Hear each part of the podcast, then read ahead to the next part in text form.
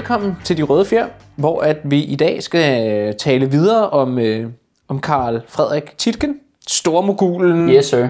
øh, den ultimative iværksætter, øh, pioneren inden for dansk modernistisk kapitalisme. Yes. Kejseren er dansk finans, ikke? Altså, der var Danmark før, og der er Danmark efter Titken. Jeg tænker lige, at vi skal starte med, fordi det er jo del 2 i forhold til sidste var del 1, så vi Ja. kan lige starte med et, et, et kort recap. Hvad skete der sidste episode på De Røde Fjer? Og jeg, og jeg taler ikke om, hvordan mig og Simon har det. Vi taler om, hvad der skete i Titkens liv. Vi har vores at kæmpe med, Ja, lige præcis, ja. ja. men det havde Titken også. Titken, han kommer fra en beskeden baggrund i Odense. Han øh, er opvokset på et værtshus, mere eller mindre. Et meget fint værtshus. Meget fint værtshus. Med adelige mennesker og kongebesøg og øh, punch, og jeg skal komme efter Ja, dig. men ikke desto mindre et værtshus. og, og det der så sker er, at øh, han er en ung, håbefuld mand. Han, øh, han får nogle gode, et godt netværk allerede som ung. Mm. Det fører til, at han kan blive handelsrejsende i, fra Manchester af. Han rejser rundt i Europa, lærer en hel masse om, hvordan business og handel, og det er sådan noget, det foregår. Får en masse gode venner. Han får en masse gode venner. Det er netop, og det episoden, sidste episode handler om, hvordan han fik alle sine gode venner. Mm. Og den her episode kommer til at handle om, hvordan han mister alle sine gode venner. Og, og sidste episode handlede også om, hvordan at, øh, vi ser ham bygge øh, sin forretning op. Han og kommer, ikke- han kommer hjem til Danmark, ung, håbefuld, iværksætter, starter sit eget, starter sit eget øh, tomandsfirma, mm. eller one-man firm med Ja. en øh, deltidssekretær. Og så bliver han simpelthen headhunted til at være bankdirektør, 28 år, i den her nye, nyopståede privatbanken. Ja, og det er jo fuldstændig u- uhørt. Titgen bliver headhunted til den her bank, og det viser sig, at han er den rigtige mand til jobbet. Ja. Fordi i 1857, der kommer en økonomisk krise, og den fikser Titgen nærmest enhændigt og redder Danmark ud af den her krise, det der hedder den sorte uge i 1857. Ja. Og det gør han basalt set ved at tage røven på folk. Ja. Han påstår, at øh, privatbanken har en masse penge, 1,5 millioner rigsdaler, som de stiller i garanti til, at folk kan få deres penge, hvis de gerne vil hæve dem ud af banken. Mm. Det har han ikke. Nej, de penge findes ikke, og det gør så, at, øh, at folk de ligesom får ro på. Altså, ja. Ja. at de, de, de er ikke bange for et, et, et, et, et, et økonomisk kollaps længere, fordi at de ved, at Titgen han har, øh, han har kapital. Men det, det har han bare ikke. det er Men det er der ikke nogen, der ved, som du siger. Og, og Titgens evner er jo ikke, han er jo ikke en opfinder, han er ikke a mathematical genius på mm-hmm. nogen som helst måde. Han er en mand, der er god til mennesker. Ja. Han er god til at tale med folk, han er god til at etablere et kæmpe netværk, Ja. centreret omkring hans person. Han forstår masse psykologi. Han ja. forstår ligesom at få mange mennesker til at gøre de ting, han gerne vil gøre. Og det gør han igennem ved at opbygge et stærkt image. Ja. Som en hårdt slående forretningsmand, man kan stole på. Ja. Og det her med det her store, øh, hvad hedder det, fatamorgana illusion, han bygger op om, det der med privatbanken er i stand til at fikse den her krise, det bliver rigtig vigtigt i den her episode, fordi hvis der er noget, Titgen kommer til at bygge i løbet af sådan sin storhedsperiode, så er det godt nok, hvad det hedder, luftkasteller. Ja. Øh, og, og, hvad hedder det, store imager og store armbevægelser og sådan nogle ting. Men det interessante er, at det kommer til at holde.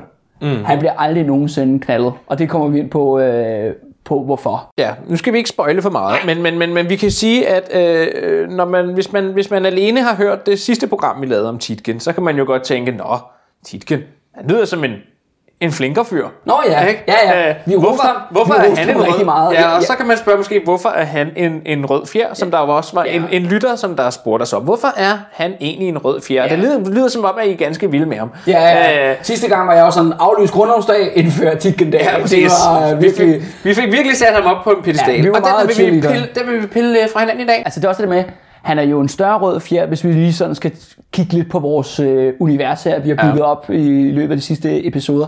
Han er jo en langt større rød fjer, end for eksempel Richard Jensen er, vil jeg sige. Mm-hmm. Fordi at Titgen, han kommer til simpelthen at korrumpere hele det danske samfund fra top til bund. Ja. Fra hele vejen til pressen og hele vejen op til kongehuset, så kommer de alle sammen til at være på hemmelige lønningslister, ja. hvor Titgen han simpelthen giver dem penge. Ja, alle var venner med Titken, hvor man kan sige, at alle var uvenner med Richard Jensen. Ja, ja lige, lige præcis, ikke? Ja, men uh, Richard Jensen var en underdog, Ja. og det er Titken her, når vi ligesom efter han er blevet direktør i Privatbanken, jo, Ja. ja. så er han jo top dog. Han er, han er big time top dog. Øh, lige præcis, ikke? Og han er jo helt op i toppen af det danske samfund. Ja. At han er villig til at gøre hvad som helst for at opbygge det der imperium, vi skal mm. snakke om, han opbygger i dag, mm. og samtidig ikke mindst at holde sammen på det. Det er jo ikke et imperie endnu, kan man sige. Nej. Men vi er godt på vej, ikke? Og Ja, og det er, øh, og det er også sådan, når vi går ind i sådan 1860'erne, det er jo virkelig Tietgens årti, øh, som man kan sige, altså i dansk, øh, ja, dansk finanshistorie. Fordi det er her mange af de der store firmaer, han bliver øh, opbygget, og det er ikke fordi, at vi, vi nævnte jo vores, øh, vores liste sidst. ja, det er rigtigt. Øhm, vi kan lige tage den i, øh, igen. Det var noget med DFDS og Ja. øh, Tuborg Ja. og øh, TDC. Ja, UC. Øh, ja. og, ja, ja, UC hedder det nu, ikke? De danske spritfabrikker. Spritfabrikkerne, Aalborg, Rød Aalborg, Aalborg, ja. og, øh, Faxe Kalbrud. Ja, faktisk Kalbrud. Niels Brock. Øh, Business College. Ja. Øh, Switzer AS. Danisco, det med sukkeret. Ja. Og selvfølgelig Privatbanken, som jo så blev til Unibank, som så blev til Nordea. Ja. Og mange af dem har deres oprindelse i den her periode, ja. her i 1860'erne, og lige i starten ind i 1870'erne. Ja. Og det er ikke fordi, vi skal gå ned i dem alle sammen individuelt, Nej. og snakke om, hvordan ligesom, for det er en meget spændende historie, men det har vi heller ikke tid til. Han er jo en helt her, i, når, vi slår, når året siger 1860. Han har startet den der bank. Banken bliver en kæmpe succes. Mm. Alle folk vælter ind. Han har reddet Danmark for den her krise. Han har enormt meget politisk goodwill. Mm. Og det, der så sker, er, at alle håbefulde, skulle sige, unge mennesker, der har en rigtig god idé, eller noget, de gerne vil lave, en, en virksomhed, de ser et marked et eller andet sted. Hvor går de hen? De tager til København, og de går op på Titkens kontor. Mm. Og det er sådan, at Titken får kontor. Han er, han er løvens hule. Ja, det er han faktisk. Det lyder som noget for Ja, det er faktisk ikke? meget god øh, ja. analogi, det her. Ja. Ja, man går op og siger, Men forskellen jeg har fundet en helt ny måde at lave hoppebolde på. Ah, Vi kan det- tjene millioner. Ja, det er mere, du skal mere sådan tænke industri, ikke? Du skal, Ah, mere- okay. altså, du, øh, det er mere sådan noget, der, det, der, der foregår, ikke? Skibe jo. og jernbaner Ja. og sådan noget, ikke? Men det er jo sådan, at øh, også det der med, at han introducerer blandt andet med Privatbanken, introducerer han jo også aktiemarkedet. Ja. Altså, som vi forstår det i dag. Og hvor rykker de ind? De rykker ind på Christian 4's gamle børs jo. Ja. Lige ved siden af Christiansborg. Og fra det bliver, at det har været den der børs, der har været meget, meget kedeligt og slow og sådan noget, mm. så bliver det, det bliver Wall Street. Ja. I- i Danmark, Ja, den gamle børs i virkeligheden var jo slet ikke et sted, hvor man handlede med aktier. Altså, da det, da, da det blev bygget, der var det et sted, hvor du kørte, gik hen og købte øh, appelsiner og en gro. Altså, Ja, lige præcis. det, var, det var sådan Men set det sådan, det der, fungerede. der er en stor øh, sal inde i børsen, og der er hver dag, der blev der på en kæmpe tavle, der blev skrevet alle øh, Titkens firmaer Ja. og aktiekursen. Og, så, og så gablede folk, ikke? Ja. Du ved, fuldstændig. Fuldstændig ligesom Wall Street. Ja, og det, folk, det blev, der var jo mange, der sådan moraliserende, sådan kristne og sådan noget, der sagde sådan, åh, de, de danser rundt om guldkalven, ikke? Børssalen. Mm. Det er der folk, de gambler.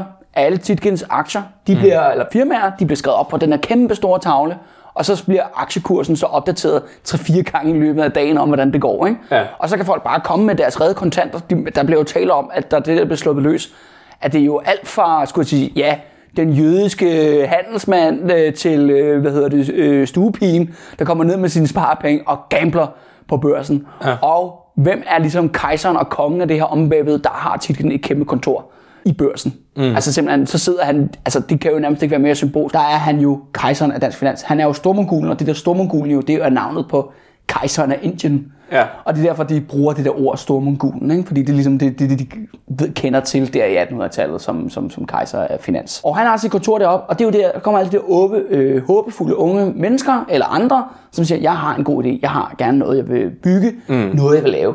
Og det, der så sker hver gang, at hvis Tytke ligesom fornemmer, okay, ham der, han er, og det er jo så, der er jo kun tale om mænd, skal lige siges, men Ja. ja, hvide mænd. Og kommer Ja. op, og, og så kommer op og taler øh, til Tytke, jeg har den idé, og han siger, ved du hvad, jeg tror på dit projekt, eller det lyder lovende, der er noget potentiale i det. Ja. Så betyder det jo for det første, så får du adgang til titels netværk, som vi talte om sidste gang. Ikke? Mm. De, tre, de tre cirkler rundt om titlen. Ikke? Mm. Du ved, der er inderkredsen i privatbanken, der er teknokraterne, ingeniørerne, opfinderne i cirkel 2, og så er der politikerne, adelsfolkene, kongehuset ude i cirkel 3. Det får du adgang til. Ja. Det åbner jo vanvittigt mange døre, Ja. når du netop skal starte noget andet i dit virksomhed. Og også bare det, at Titgen har sagt, sat sit stempel på og sagt, Lige det her det er en god idé. Ikke? Approval. Ja, ikke? så kan man komme der og sige, jamen Titgen siger, det er en god kejseren, idé. kejseren siger, Ja, ja, lad præcis. det ske, og ja. det skete. Ja. ja, ja, jo, jo, men altså, det skal man nok ikke undervurdere, hvor stor betydning det her har haft. Ja, ja, lige præcis. Ja. Og, og det andet element er selvfølgelig, at man får adgang til kapital Ja. fra privatbanken Ja, til at skyde forretningen i gang. Ja. Og det er så tit gennem Som han så selvfølgelig får et afkast på. Ja, og det er jo så det, alle de firmaer tit gennem opretter, der er det jo altid ham, der er bestyrelsesformand. Den unge opfinder, eller whatever, ingeniør, industrimand, der gerne Ja. vil lave et eller andet, han bliver ofte den siddende direktør.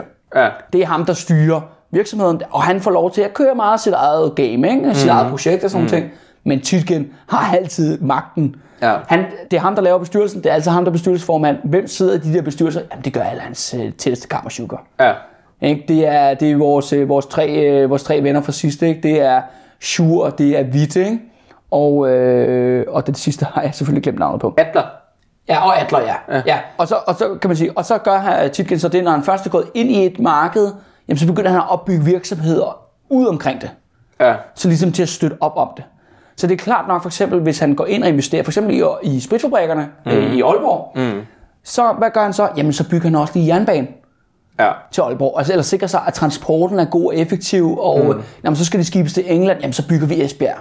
Ja. Du ved, så han styrer alle øh, ledende i produktionskæden. Den Og det har jo også noget at gøre med, undskyld jeg afbryder, Ja, ja, selvfølgelig. at, øh, at det igen er, et, et, et, et tidligt stadie i Han industrialiseringen. er jo first mover, ikke? Han er vi first mover, som ikke? vi, som vi snakkede om sidste gang. Ikke? Præcis. Altså han, øh, du kan jo ikke gøre det der igen, vel? Du kan jo ikke bygge en jernbaneforbindelse igen. Du kan ikke bygge Esbjerg Havn igen og tjene penge på det, for det er gjort, og det var Titken, der gjorde det, ikke? Ja. Øh, og, og det har han jo selvfølgelig kunnet tjene rigtig mange penge på. Altså han er jo altså sådan en erhvervsmand, ikke en kapitalist, ikke? og tjener mm. penge og alt det der. Men for eksempel det der med, at folk snakker om i dag, men det, øh, det frie marked, det, det fikser alting og sådan nogle ting. Men det er noget pis. Mm. Det har Titgen aldrig nogensinde været tilhænger af. Jo, måske i sine unge dage på meget sådan idealistisk plan, inden han sådan blev rigtig noget ved musikken, ikke? dengang mm. han rejste rundt i Europa. Ja. nu hvor han ligesom er blevet, du ved, topmanden i dansk øh, erhvervsliv, han hader konkurrence. Han hader fri marked. Ja. Det handler om at få monopol. Der, hvis der er noget af det værste, der er for et firma, jamen så er det konkurrenter. De, Det er jo klart. det er jo Hvorfor skulle du dele markedet jamen, med jamen, nogen? konkurrence, det er jo ødelæggende. Ja. Så bruger man ressourcer på, at man skal købe reklamer mod en anden og lave alle mulige backstabbing deals. Du er nødt til at sænke priserne, fordi du ender i en priskrig. Lige præcis. Alle taber penge. Folk er piskede af det. Ja. Aktionærerne bliver sure. Ja. Altså, det er, også, det er jo også det, der er paradokset, hvor folk i dag, sådan nogle som Cepos og alle de der folk, de snakker som om, at det fri marked og sådan noget, det skal bare fikse ting og sådan noget. Det har aldrig været tilfældet. Nej. Et god business er ikke et virksomhed, som har konkurrenter. Der er også en grund til, at du kan sige, altså, du ved, Mærsk Rederiselskab, de er verdens største. Mm. De vil da gerne have monopol på alle verdenshavene, hvis de kunne komme afsted med det.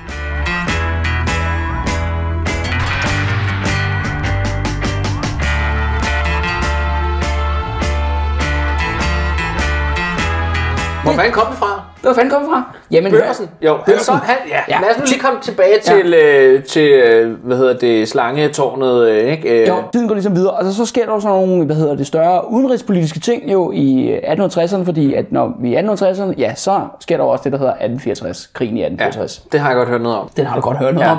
ja. Sovefeberen fordybet. Ja, oh. ja. Nå, det der sker er, at øh, Danmark bliver kastet ud i, eller Danmark er så dumme og vad direkte ind i en fælde, der bliver sat op af den tyske jernkansler, der hedder Bismarck, Ja. hvor vi så vælger at udkæmpe en krig mod en total overmagt, som foregår nede i Sønderjylland, og der bliver dræbt 4.000 øh, danske soldater. Øh, Og vi mister øh, en tredjedel af hele vores land. ja, det er en rigtig katastrofe. det var ikke så godt. Men Titgen har også en rolle i den her krig, og det er ikke fordi, vi skal gå ned i sådan alle detaljer omkring krigen, men der sker nogle ret vigtige ting. Det er jo blandt andet, at Titgen opererer jo i kulissen ved at bruge sit britiske netværk, som vi taler om sidste gang, rigtig meget. Ja, de venner, han havde fået i sin ungdom i Manchester. Ja, han mere eller mindre bliver sendt over regeringen for ligesom at hive i trådene og sige, Nå, kan I ikke England, vi har brug for en alliance, kom ind og støtte os. Hmm. Titlen bliver faktisk tilbudt at blive finansminister i regeringen under krigen i 1864 af ham, der hedder øh, concierge-præsident, altså statsministeren, der hedder øh, Monrad. Titgen er så smart nok til at sige nej. Mm. Og det var et rigtig, rigtig godt move af ham, fordi det var der total katastrofe regeringen. Ja, det var ikke lige frem, fordi det var den mest populære politiker på den anden side af det der, vel? Nej, lige præcis. Tværtimod var de ved at blive lynchet. Men altså. Titgen formår ligesom at... Han gør, hvad han kan for at hjælpe Danmark i den der vanvittige situation, mm. de der politikere har sat Danmark i. Mm. Øh, men han er også klogeligt holder noget afstand til dem. Men det, der så sker efterfølgende, ligesom krigen slutter, mm. det er jo en katastrofe. Ja. Øh, Titgen har været blandt andet været med til at øh, fikse nogle krigslån fra, øh, fra britterne til Danmark, så vi ligesom kunne udkæmpe den der krig der, ikke? Efterfølgende, så har Danmark jo selvfølgelig, vi har mistet en tredjedel af vores territorium, øh, Ja. blandet en stor del af industrien, som jo lå i Slesvig-Holsten. Ja. Landet skal sådan set... Slesvig-Holsten var en meget rig region, faktisk. Det var det, ja. Øh, Det var ikke et tilbagestående bundesamfund. Det var... Øh, det var faktisk den mest udviklede del af, ja. af kongeriget Danmark. det er så mærkeligt, for det var, ikke, det var jo ikke Danmark i den og, det, og derfor folk efterfølgende snakket om det der 1864, om at vi blev, vi blev øh, hvad hedder det, amputeret ved hoften. Og Ja. det er både Det var moralsk, politisk og økonomisk. Ja. Nå, så Danmark har brug simpelthen for nogle udlandske penge til ligesom at genrejse det her, ja, nu ægte miniput Ja. øh, land, Ja, ja. der ligesom er tilbage. Og øh, Titken er selvfølgelig, han er jo øh, financial wizard med mm. det kæmpe netværk, han bliver selvfølgelig sat i spil. Interessant nok, så bliver Titken, han siger, at han ser en mulighed for at tage lånet i Berlin. Ja. Og det er jo ret interessant, når vi lige har været i krig med dem jo, og ja. De ligesom har, ja, totalt smadret os fuldstændig i den der krig der. Ja, ja. Men der tror jeg, at Titkens rationale er jo det der med, Nå, men du ved, øh, de, Tyskland er tydeligvis den nye stormagt i Europa. Det handler måske om at være first mover mm. og komme ind og få et godt forhold på et tidligere tidspunkt. Men det, der så sker under de her forhandlinger, er, at han bliver double-crossed af folk fra sin egen indercirkel.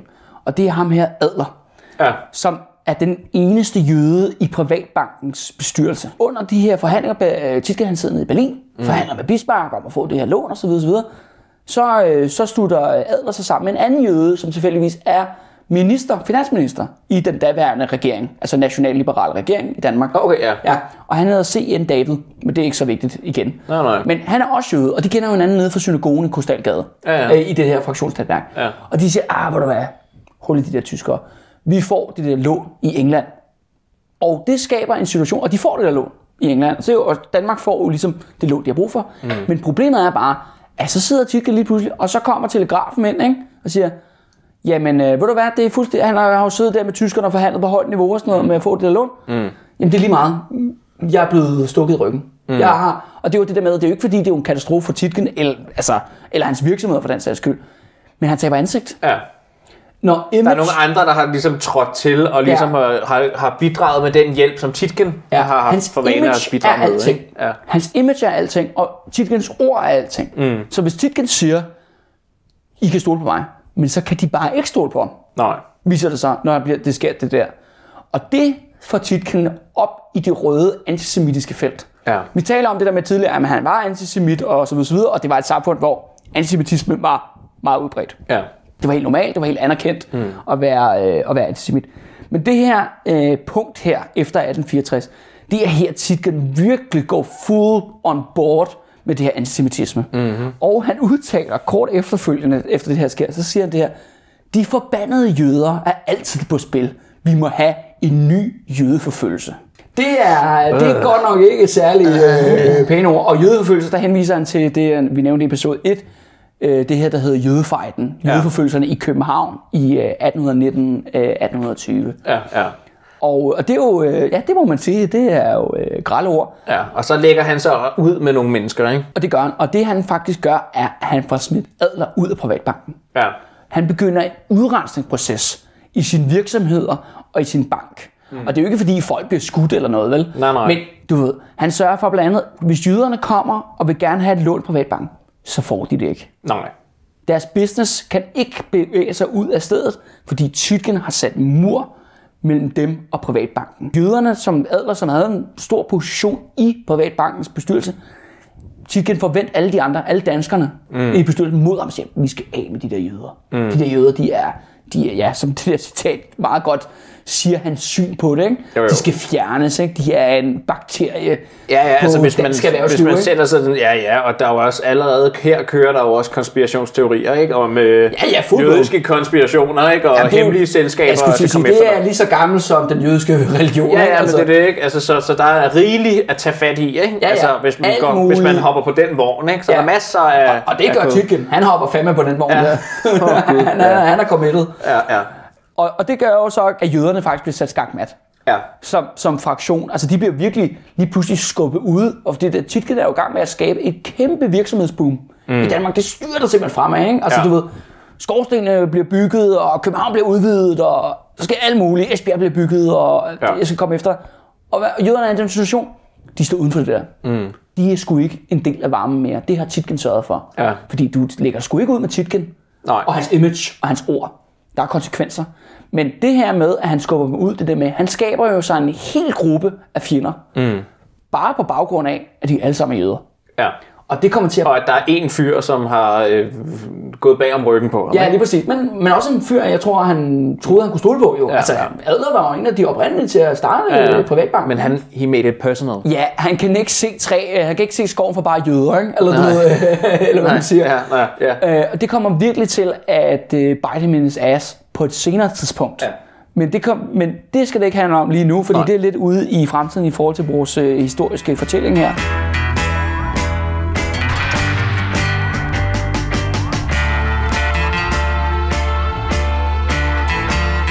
For det, der så sker nu, er, at når vi går ind i slutningen af 1860'erne, 1868, der er det der, Titgen skaber sin kronjuvel, mm. sin baby, den virksomhed, som han kommer til at betyde aller, allermest for ham, og som han bruger aller, allermest energi på, mm. det er Store Nordiske Telegrafselskab. Ja. Og Store Nordiske Telegrafselskab, det bliver også Danmarks første multinationale virksomhed. Ja. Han skaber simpelthen en global virksomhed. Ja. Hvor alle de andre foretagender, vi nævner, sådan nogle, nogle af dem bliver jo så internationale virksomheder. Senere hen, efter Titgen og sådan nogle ting, som mm. for eksempel Tuborg, eller, ja. eller ja, øh, og øh, ja, spritfabrikkerne og sådan noget. Ikke? Jo, jo. Danisco og sådan noget. Nå, ja. Det er også lige meget. Men, øh, det er ikke lige meget, men, øh, men det store nordiske telegrafselskab er sat op til, at det skal være en spiller af international format. Det, Titgen er jo en mand, first mover. Han ser den her teknologi rundt omkring, der foregår alle de her nye opfindelser, der kommer ud. En af dem er jo telegrafen. Mm. Og telegrafen er jo 1800-tallets internet. Ja. Det gør muligt, at man kan kommunikere.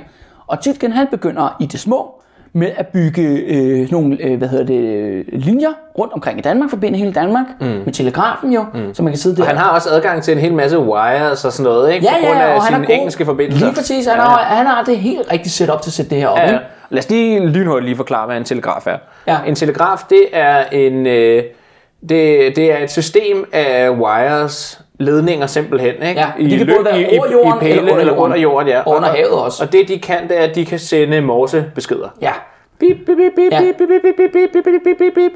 Øh, og de morsebeskeder, dem kan man, ja, det betyder jo så, at du kan sende en besked her fra København til Esbjerg, ja, på splitsekund, ikke? Ja, eller Og- og det- ja, og- øh, nogle minutter. Nogle minutter måske, Ja, ja, ja, ja. Men, men det er jo øh, altså en fuldstændig revolution af kommunikation i forhold til før, hvor man skulle fysisk tage et brev og så sende det afsted. Men det er også og så det, at telegrafen gør med jo- hest og båd og jeg ved ikke hvad, ikke? Folk de elsker at råbe op om globalisering nu om stunder og sådan Ja. ja. ting. Men globalisering, den starter her. Den starter sgu med telegraf. Forbinder fem med verden. Det der med, at lige pludselig kan vi kommunikere over lange afstande Ja, ja, ja. på relativt kort tid. Ja, ja. Det er jo, det er jo revolutionerende. Ja, Det er banebrydende. Jamen det er det absolut. Og Titgen er altså en spiller i det. Ja. Og han bygger det der store nordiske telegraf, og i starten er det jo sådan, har de lidt mindre ambitiøse projekter. Altså du ved, så, sætter, så laver man en linje til Sverige, og så laver man en linje til Norge, og så laver man en linje til Berlin, og så laver man en linje til London, mm. øh, og så Petersborg og sådan nogle ting. Og det er jo Ja. rigtig fint, at han ligesom opbygger et lille skandinavisk telegrafimperium. Ja. Men så sker der noget ude i den store verden, som uh, Titgen er rigtig, rigtig opmærksom på. Og det er hele spørgsmålet om Fjernøsten, og især om Kina og Japan, mm. som virkelig på grund af ja, en lang historie og en masse, hvad hedder det, britisk imperialisme og mm. alt muligt foregår i Fjernøsten. De er to meget, meget, meget gamle og faktisk, altså sådan, jo, de er jo, de er jo, de er jo feudale lande, halvfeudale lande, men jo har jo sådan en kæmpe befolkning og jo en relativt udviklet økonomi. De har altid stået for en enorm stor produktion af alle verdens varer, som er blevet Ja. solgt i øh, Vesteuropa. Ja, lige Eller i præcis, og vi Europa vil have, vi vil have porcelæn, vi vil have te fra Kina ja. og så videre. Der er en masse ting, man, øh, vi i Vesten gerne vil have. Og silke, ja, ikke ja. forglem. De her to lande bliver ja, tvunget mere eller mindre ind i verdensmarkedet ved, Ja. on gunpoint. Ja, af englænderne. Ja, englænderne. Ja. Øh, og, øh, og det åbner så det her marked op, og så, og så er spørgsmålet, hvem kan bygge telegrafen til Kina? Mm. Og det interessante er, at der er jo faktisk allerede et stort britisk selskab, som er blandt andet dem, der har lagt telegraflinjen ned under Atlanterhavet. Altså forbundet London med New York. Ja. Hvilket også er et kæmpe... øh, Altså, og de bygger telegrafer ud over hele verden. Men så er der det sidste store rush. Telegraflinjen til Beijing og til Nagasaki i mm. Japan. Hvem skal lave den? Det mener Titgen, at det skal han. Mm. Og det skal danskerne, og det skal det store nordiske telegrafselskab gøre. ja. De skal have den entreprise, øh, om man så Lige må sige. Ikke? Ja. Men hvor at Danmark er jo et pisseligt land jo. Øhm, så hvad, hvad gør Danmark så? Det er jo ikke ligesom Storbritannien, som har sådan et imperium jo. Britterne gør deres telegraflinje, den går ligesom igennem deres imperium, om man så må sige. Ikke? Mm. Så den går jo sådan fra England ned til Gibraltar, hvor de så stadigvæk har en base, mm. til Ægypten, som var en del af det britiske imperium dengang, ned igennem Rødehavet, øh, Mellemøsten der, og så over til Indien, det indiske øh, subkontinent, videre over til Singapore, Hongkong, mm. og så hele vejen op til, øh, til Beijing. Og det er i hvert fald planen, at det er det, de vil gøre. Ja. Men Titgen siger, at men han har et S op i ærmet. Han har en forbindelse til Rusland, Tsar Rusland. Det er også en lidt kortere vej. Det er netop en kortere vej, Og det er jo en landlinje, Trods som, alt. det er jo en landlinje, som er nemmere at bygge, Ja. End at lægge den under havet. Ja, ja. Og Titgen, han sætter simpelthen hele butikken ind på det projekt her. Mm. Og det er så her, hvor vi kommer til, at Titgen virkelig bliver en rød fjer. Mm-hmm. I sit projekt for at skabe det her multinationale selskab, der gennemkorrumperer han hele det danske samfund. Mm. Fra top til bund. Han, han opererer med korruption på to niveauer. Ja. Det ene er sådan fuldstændig blatant. Du modtager et fast pengebeløb på din konto fra Privatbanken. Der er der flere ministre i den her periode, der simpelthen får øh, penge indbetalt. Og for eksempel også ret interessant for øh, jer, der øh, studerer, hvad hedder det, der er skal- dansk øh, skønlitteratur. Herman Bang, forfatteren der, mm. han er også på Titkens lønningsliste og skriver nogle meget, meget flotte, rosende artikler om, hvad rundt og laver. Han er, han er god for Danmark, ikke? Altså, de rækker hele vejen til toppen. Det, er også, det gælder også kongehuset. Den anden måde, han ligesom får flokket folk med ind, fordi vi skal huske på, der er kun én bank i Danmark. Mm. Det er Privatbanken. Så det vil sige, at alle har en konto i banken. Og det er Titgen, der som æderkop i nettet sidder og administrerer kontorerne, hvor der er muligheder. Så for eksempel, når kongehuset kommer ned og siger, jamen de har jo også privat penge for sig selv. Og de siger, jamen her Titgen, kan det ikke give mig et øh, finansielt råd? Så sørger for Titgen for, at, ligesom, at deres penge bliver investeret i noget, han er sikker på, at det bliver en god forretning. Ja. Så de får endnu flere penge ja. Og så er de gode venner. så er de rigtig gode venner. Ja. Og det betyder jo, at han er jo virkelig, altså han har skabt sig en masse, masse kontante venner, Ja. øh, udover hans eget personlige netværk lige pludselig i Danmark. Som også har en interesse i, at det går godt for Titken. Ja, alle er jo connected jo. Ja. Hvis det går godt for Titken, så går det godt for alle. Ikke? Mm. Det er ligesom det, der er ideen. Ja. Og så det, med hele det her spørgsmål med Rusland, det der sker er, at for det første, så køber han sig en sådan diplomaten, ambassadøren i St. Petersborg. Han, han stopper med, at- altså officielt er han diplomat for den danske stat, men det er han ikke. Han er bare tit stik i randdreng mm. til at, du ved, banke på porte i ministerium i, i Tsar-Rusland osv. Det andet element er, at tilfældigvis, øh, der er en konge på det tidspunkt, man kan nok huske ham som Estrups øh, samarbejdspartner, Christian 9. Han er jo konge jo, han er også kendt som Europas svigerfar. Mm. En af hans døtre bliver gift med Zaren af Rusland. Ah. Så nu Ah, er der er der også en, ekstra goodwill. yes, der er en dansk connection i det, i ru- det ru- russiske kongehus. Ja. Og det er jo øh, dronning Dagmar, som hun hedder jo. Mm. Hun øh, begynder også, og øh, du ved, det er hende, der tit sidder og skriver breve med hinanden og sådan nogle ting. Og hun ved, og hun, fordi hun sidder ligesom inde i det der meget, og det skal sige, den zar, zar-staten er jo, øh, udover det er et vanvittigt hårdt diktatur, mm. så er det også en virkelig korrupt stat. Mm. Altså, der, er- der kommer noget rigtig langt med sådan en fedtet, fedtet konvolut med kontanter, ikke? Ja. Så hun ved lige, hvem, hvem skal bestikkes, hvem skal smøres, hvem skal snakkes med, osv. osv. Og det grinerende element er, at mange af de der øh, embedsmænd, der sidder ligesom og skal godkende det her kæmpe projekt, mm. det er sådan nogle officerer, mange af dem, det er sådan, fordi uh, Tsar-Rusland, det er sådan, mere, det er sådan lidt en militær diktatur, ikke? Mm. Så mange af dem har sådan en officersbaggrund, og de vil, udover de vil gerne have kolde kontanter og uh, sådan nogle ting, så vil de også rigtig gerne have medaljer.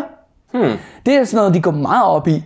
Så hvad gør til? Jamen, han går der lige op til Dansk kongehus, og så ryger der bare Dannebrogs ordner ud. Okay, ja. Så det, er også bare alle, ja, til alle dem, der får ridderkors, eller hvad fanden de får nu. Ja. Der, Ja. ja, altså, det er jo en eller anden form for øh, korruptionsbling, ikke? Der er jo et kontantelement, det kan vi nok forstå. Mm. Det er meget fedt at have lidt ekstra, ikke? Jo. Til alt muligt gøjl, ikke? Det ville da være meget Men fedt. det andet med de der medaljer der, det er jo sådan noget, det er sådan noget ego noget, ikke? Jo. Det er sådan noget, uha, uh, så bliver man lige strøget med håret der, ikke? Ja. Og så, uh, ej, hvor er du dygtig, Ivan. Ja. Du, har, du får da sgu da medalje fra det danske kongehus. Forretning og business, når mm. vi når op på det der store niveau. Der er jo et element af korruption Ja, ja. og bagrumsaftaler. Mm. Altså forstår du, hvad jeg mener? Men det er jo det der med, at det er jo meget godt, der kommer en telegraf til Kina, ikke? Jo, jo. Altså, Men i, hvem i skal det tjene penge på det? Ja, det skal Titgen jo. Ja, ja, den, den Ja. kommer jo uundgåeligt, ikke? Jo, jo, jo. Men hvem skal, hvem skal tjene Men penge? det, men det bliver jo det store eventyr. I København og i Danmark, folk bliver jo fuldstændig hypet op. Mm. Og heldigvis for Tytgen, aftalen går igennem. Russerne, det er sådan noget virkelig, at øh, du ved, Dagmar går op til, til, til sin mand der og siger, kom nu. Ja. Og så siger skid med det, ikke?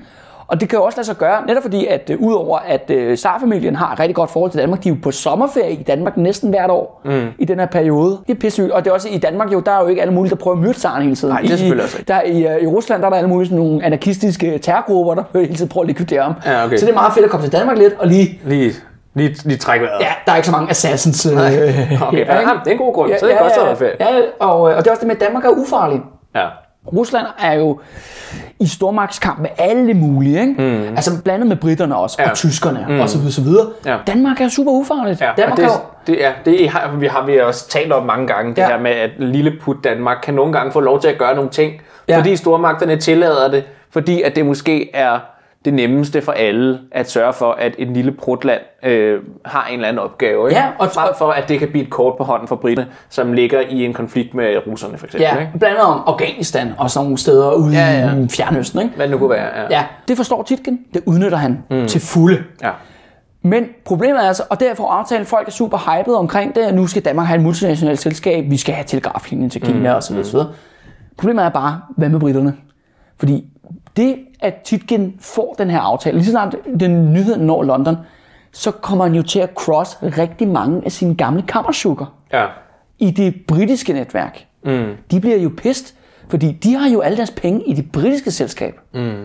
Og lige pludselig er der konkurrent, og det er det med, hvis der er noget, kapaciteten ikke kan lide, så er der konkurrence. Ja. Og det er jo det, Titken, han erklærer krig mod Storbritannien. Ja. Hvilket også er, altså, han har sgu balls, vil jeg sige, at han tør det. Men det er også sådan lidt det der med, en af nøglerne til hans succes i starten jo, er det britiske netværk. Han brænder bruger ja. på det her telegrafeventyr. Og det, kan, og det kommer også til at, ligesom, at bite ham in his ass på et senere tidspunkt. Øh, ja, Store Nords Telegraf bliver slået kæmpe op i Danmark på børsen. Der er selvfølgelig en aktietegning. Der skal mange millioner ind i det her firma. Ja.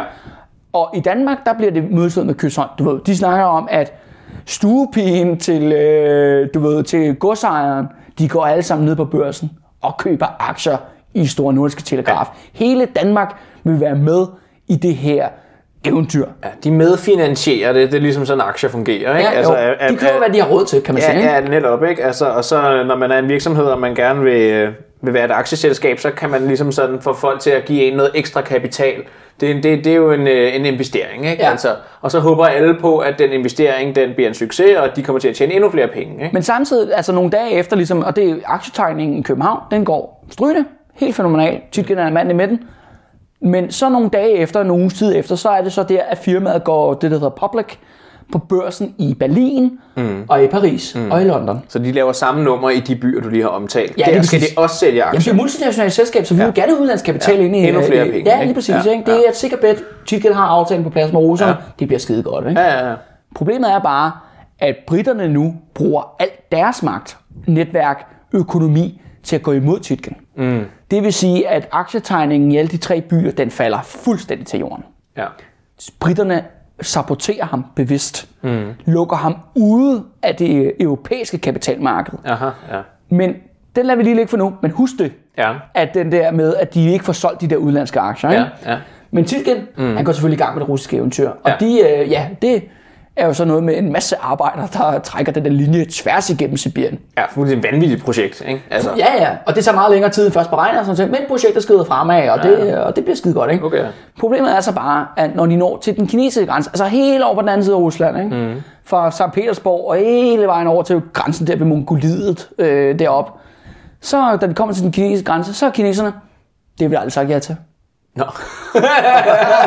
Vi har aldrig, vi har aldrig nogensinde sagt ja til, at vi vil have en telegraflinje. Okay. Og det er sådan for at ligesom forstå, at kineserne er meget, meget modstandere af det. Ki- kineserne, det er jo det der kejserkina, det er jo en 2000 år gammel kultur. Mm. Det er som om romeriet aldrig faldt. Mm. Bare i Fjernøsten, ikke? Ja. På daværende tidspunkt, det er jo, øh, ja, det er jo kejserdiktatur og sådan noget, men der er sådan et hofembedsmænd, det der hedder mandarinerne, mm. som er ligesom, de er sådan embedsværket i den kinesiske stat. Mm.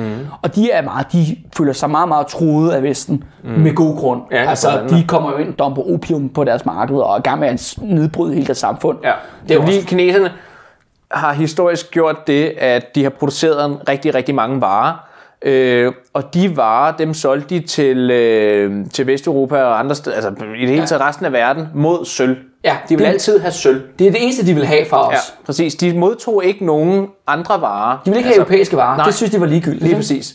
Og det er jo en god forretning, men det er ikke nogen skide god forretning for øh, de europæiske markeder. Men de vil jo gerne have afsat deres varer i Kina, men det måtte de ikke, fordi Kina var hermetisk lukket. Ikke? Jo. Og derfor så er de jo ikke interesseret i at indgå i den her frie verdensøkonomi, fordi at, øh, ja, så, så taber de nogle penge. Ikke? Altså, telegrafen er jo også en del af den proces, Ja. om netop at blive åbnet op til verdensmarkedet. Ja, ja, det er jo det. Titken gør alt for ligesom at få det her kinesiske eventyr til at glide. Altså, det vil blandt andet betyde, en øh, Danmarks krigsminister, som er så på lønningslisten på Titken, han bliver bare sendt som am- Titkens private ambassadør til Kina mm. for at snakke med kineserne. Der bliver sendt nogle krigsskib dernede. Han gør alt for at, ligesom at smøre de der kinesere. Mm. Og nogle gange, så er det sådan, åbnet lidt op, ah, det kan måske godt være. Og så, men så er det ligesom, der er en magtkamp Ja. inde i det kinesiske byråkrati sådan noget, "Nå, men skal vi gøre ligesom Japan, Ja.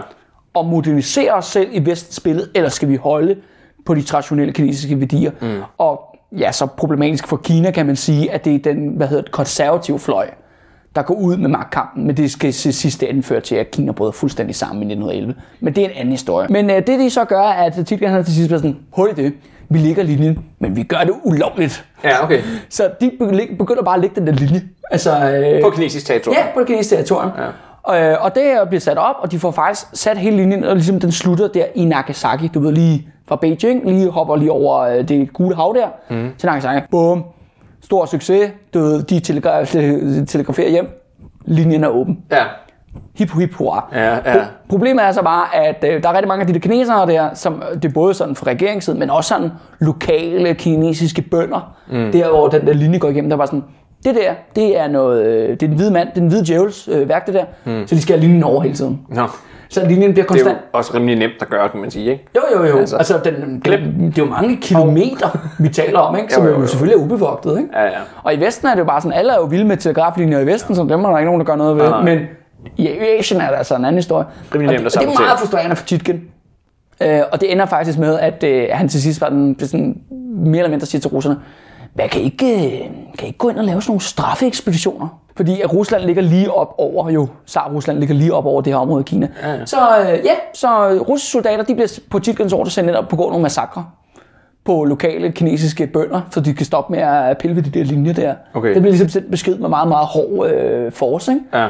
Så det er Titken, altså apropos røde fjer, ikke? Altså mm. også lidt øh, røde, røde hænder ikke? Af, af, blod, ikke? For, Jo, jo, jo. øh, for øh, kan man sige, forretningens skyld.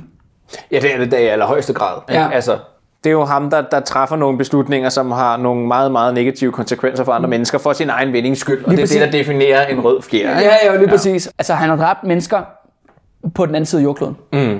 Altså, hvor, hvor, hvor, altså, nå, det var en ny rekord for os, ja. hvor vi Men så lykkedes det jo ja. ham at lave et multinationalt selskab i Det øh, det. dets essens, så det er jo meget imponerende. Ja.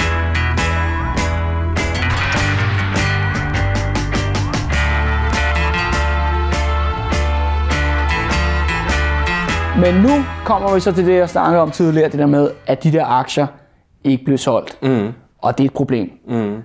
Fordi at lige pludselig er, hvis man har rigtig mange aktier, man ikke kan få solgt, jamen så falder kursen jo. Mm. Og så mister, altså også, men man har brug jo for den kapital. Når folk køber aktierne, jamen så er det jo økonomisk indskud Ja, ja, det i det. firmaet, ikke? Ja. som vi skal bruge de der penge. Og det der projekt blev dyre, og så skal man, så skal man hyre russiske soldater til at massakrere kinesere og sådan noget. Ikke? Og han fik i første omgang, før han overhovedet gik i gang, fik han ikke engang alle de penge, han skulle bruge. Nej, så han starter jo i underskud. Ja. Men Tytgen er jo en øh, kreativ mand, øh, ja. som, er, som gør lidt af hver. De her manglende aktietegning, det fører til det, der hedder Svend Petersen-affæren. Ja. Og, og kort fortalt, Svend Petersen er ikke en, øh, ikke en banebrydende karakter i Danmarks historie. Men det han er, han er en dummy for Tytgen. Ja. Han er det, der hedder en stråmand. Mm. Øh, sådan ren, øh, tror nok, det er det rigtige term for det. Jo, jo. Ja, ja. I allerhøjeste grad. Svend Petersen, han, har, han er sådan en øh, eksport-import-fyr i København. Han har arvet et firma fra sin far. Mm. Øh, Svend Petersen er bare ikke lige så god til, som farmand til at køre det her virksomhed. Han begynder at gå i underskud. Det går rigtig, rigtig dårligt. Hvad sker der så? Han går op til Titgen og spørger, oh, kan jeg ikke lige få et lån? Mm. Og øh, Titgen siger, ja, du kan godt få et lån. Men det lån, du låner af mig, de penge, du låner af Privatbanken, dem køber du aktier for mm. i Stor Nordiske. Og hov, hov, hov. Oh, oh. Hvad det er nu det? Det er ulovligt. Ja. Det er det, man kalder øh, børsmanipulation. Lige det at holde kursen kunstigt op. Ja, det var det, som at øh, Don Ø, han gjorde inde i parken. Ja. Kan du huske det, han sagde? ja, ja det kan jeg godt Ja. huske. Ja, det, bortset fra, at det her det er så meget mere alvorligt. Ja, ja, jo, jo, jo, men det er bare lige for at forklare lytterne, hvad ja. det egentlig er, at øh, Titken han gør her. Ikke? Fordi han har en masse aktier, han ikke kan få solgt. Ikke? Jo. Og det betyder, at, at aktieprisen på de aktier, de falder, bliver sådan en lavineeffekt, der fører til øh, bankerot. Øh, bankerot fuldstændig, Ja, ja, ja, ikke? Altså, at det hele det bare imploderer sådan blød. Så det han gør, det er, at han låner penge, sin egen kapital. Ja, han har noget egen kapital, Ja, ja, ja. Hans egen private penge. Og for alle de andre firmaer jo. Ja, ja. Alle de andre virksomheder. Alt, hvad han kan skrave sammen, Ja, ja. ikke? Og så, Det får Svend Petersen ja. så. Og Svend Petersen går så ned på børsen mm. og køber Store Nordiske ja. telegrafaktier. Ja, så det vil sige, at Titgen han køber sine egne aktier, Ja. og det er i allerhøjeste grad Og, og Svend Petersen, han begynder allerede at gøre det her i 1869. Mm. Og kommer til at gøre det de næste, hvad hedder det, to-tre år faktisk. I starten jo, så går det jo godt.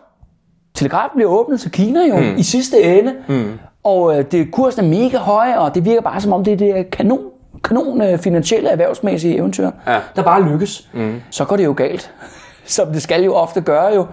Så lige pludselig, så er, har øh, ja, Svend Petersen, han har simpelthen lånt for mange penge. Ja. Han bliver nødt til at øh, klæde sig selv konkurs. Ja. Han har lånt 2 millioner ristaler mm. af Titgen til at købe aktier for. Og hvis I kan huske fra episode 1, da Titgen går ud og laver den der illusion, at han siger, at men, øh, du ved, han er i stand til at redde hele landet for 1,5 millioner ristaler. Ja. Så Svend Petersen har lånt flere penge af Titgen nu, mm. end det Titgen brugte. Altså, vi snakker øh, svimlende milliardbeløb i danske kroner, ikke? Altså, Og ja, som sagt, hvad, og, og det, Svend Petersen har jo ikke brugt de der penge på sig selv, han har brugt dem på at købe aktier for. ja, som han, ikke er noget værd. han, han ligger inde med en over en tredjedel af store nordiske telegrafaktier. Altså mm. det er sådan helt sindssygt, Ja. at en privatperson Ja. kan ligge inde med så mange aktier. Og han kan ikke gå ud og sige, jamen jeg har brugt pengene på at købe aktier, Nej. fordi det var jo... Fordi så ruller lavinen jo. Ja, det kan, det kan han ikke sige. Så pengene de er jo bare forsvundet på en eller anden måde. Ikke? Og det er også det med, at det- det der så sker, at nu siger Svend Petersen går op til Titgen ja, jeg kan ikke mere nu. Altså, det, mm. jeg er færdig. Jeg er en færdig mand i showbusiness. Ja, ja. Titgen overtager bare hans virksomhed. Eller du ved, overtager hans bo. Altså, han bliver sat under administration. Det er sådan noget med, at Svend Petersen kan ikke engang gå ned og købe, øh, du ved, mad, uden mm. at øh, Titgen nærmest skal, skal anerkende det. Ikke? Ja. Titgen sætter op en hemmelig taskforce ind i det her, øh, hvad hedder det, øh, ligesom for at styre det her konkursbo. Mm. Bo, og så begynder han at sminke regnskaber.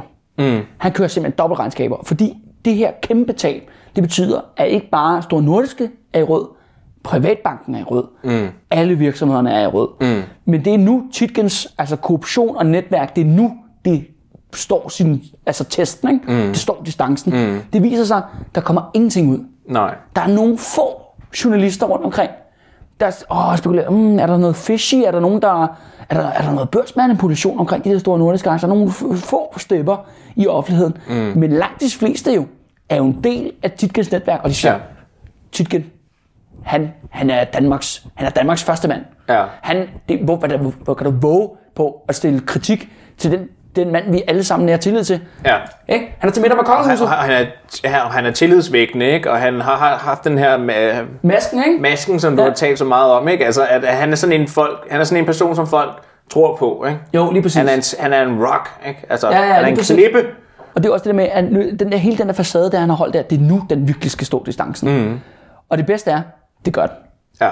Det er vildt nok, at de ramler ikke for ham. Nej. De, de bliver simpelthen ikke, øh, hvad hedder det, smadret.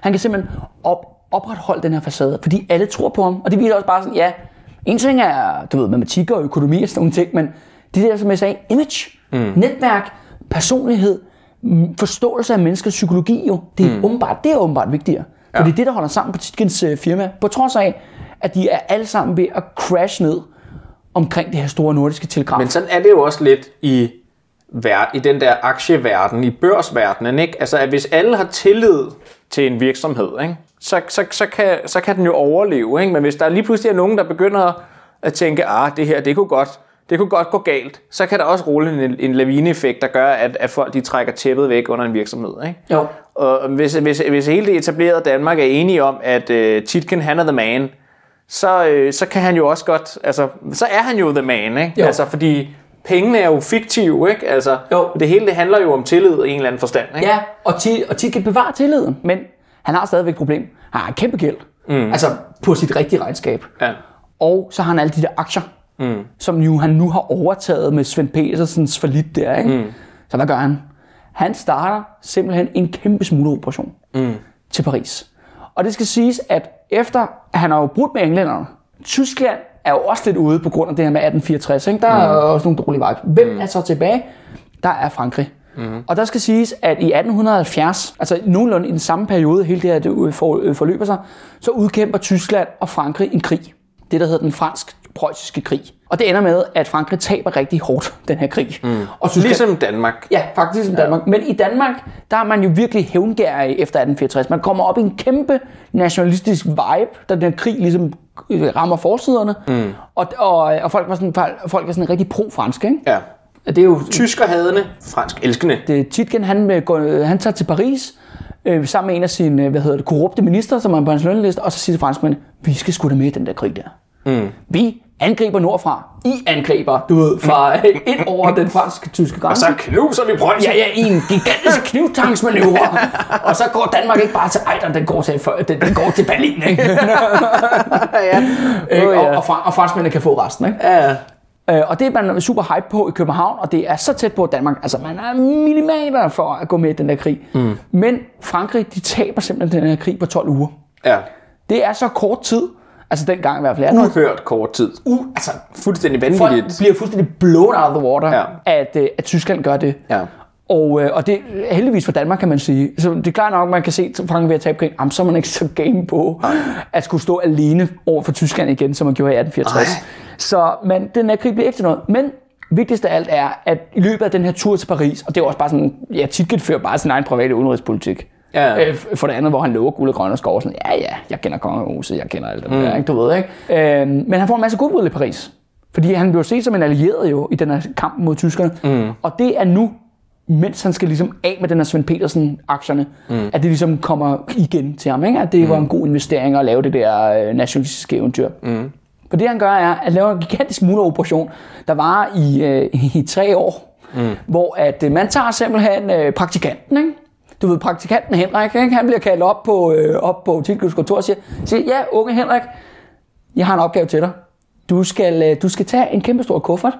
Du skal losse en stor nordiske aktier ind i den her kuffert.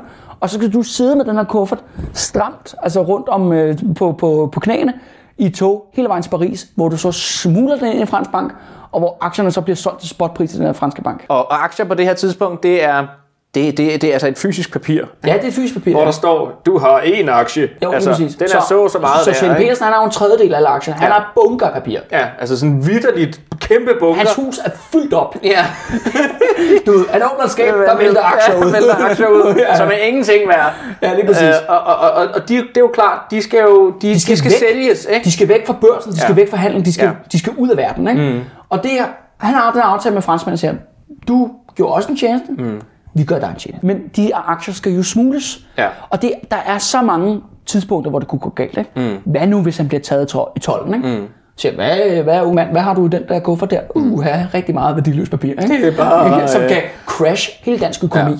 Fordi at han er jo nødt til, Titgen er jo nødt til at bruge sin egen, øh, sin egen venner, ikke? eller hvad kan Jo, man jo. sige, sin egen ansatte til at lave det her nummer. Ikke? Fordi han kan jo for fanden ikke gå ud og sige det til nogen, vel? Så hvis der er nogen, der bliver opdaget med den her kuffert fyldt med Titgen-aktier, og de kan se, at han, den her person er associeret med Titgen, så, ja, så er skandalen jo øh, en realitet. Ikke? Fordi de skal jo frem og tilbage en del gange jo med toget og med mm. båden og så videre, mm. så videre til Paris. Og der på et tidspunkt en af de her ungersvende her, så står han nede, der er jo sådan 4-5 stykker, der smugler det der, ikke? Mm. Øhm, og så står han nede på Hamburg Banegård, du, nede på øh, Hauptbahnhof der, ikke? Ja. Og så, øh, så taber han sgu kufferten. og så åbner den sig, og så vælter det ud med Titgen aktier ud over hele Hamburg Banegård, ikke? Flag over med papir, ikke? Og bare sådan, og bare sådan, fuck, fuck, fuck, fuck, fuck. nu, nu ramler hele dansk økonomi, ikke? Ja, ja. Men folk er jo bare sådan, virkelig flinke, ikke? Jo, jo. Og sådan, ej, gud, ej, har du tabt det? Ej, nu skal, lige jeg, hjælpe skal ikke lige ja. hjælpe dig med at samle det op. Mm. Så du ved, så den tilfældige folk kommer bare og hjælper og pakker kufferten fint igennem aktier. Mm. Ingen stiller spørgsmål ved det. Nej, nej. Og bare sådan, ham der, end han, hvem end han var, det er sådan en navnløs person, ikke? Ja, Ja, ja. ja. Sådan, han må godt nok have svedt Ja, ja. i den her situation. Men den, den går, og han får til sidst den der kuffert, også den kuffert til Paris, ikke? Ja. Og så får de så smuglet alle øh, de aktier til Ja. Paris, og så går ud fra, at, at franskmændene så overtager de dem så bare, altså sådan Ja. officielt. Jamen, så sådan, så at ejeren- franskmændene er officielle ejere, og det vil sige, at de her aktier, de eksisterer igen nu på en eller anden måde. men det ikke? er jo også det der med, de der aktier, fordi normalt, som det skal foregå, så skulle aktierne blive solgt, sat til salg på børsen. Jo. Ja, ja, ja. Og så kunne den franske bank have så kommet ind og købt de der Ja, aktier. ja, og så havde Det der er været en sådan- budkrig og så videre og så videre, og så Det havde man ikke kunnet sådan, opdage, det hov, foregår. øh, de er ikke så meget værd, fordi der er Det for mange ikke af sådan, dem. de bliver aldrig sat til salg. Nej, nej. Jo, de bliver solgt, Ja, ja, men under bordet. under bordet, Ja. lige præcis. Det er Ja, det, der ja. sker. Og de tager jo tit igen en lang periode igennem 1870'erne og bare forvandle de, alle de hemmelige røde tal mm. til, til grønne plusser igen. Ja, altså ja. han kæmper virkelig for at redde sit imperium i skyggerne der. Mm. Og det ender så sidst jo så også med, at, øh, at det lykkes.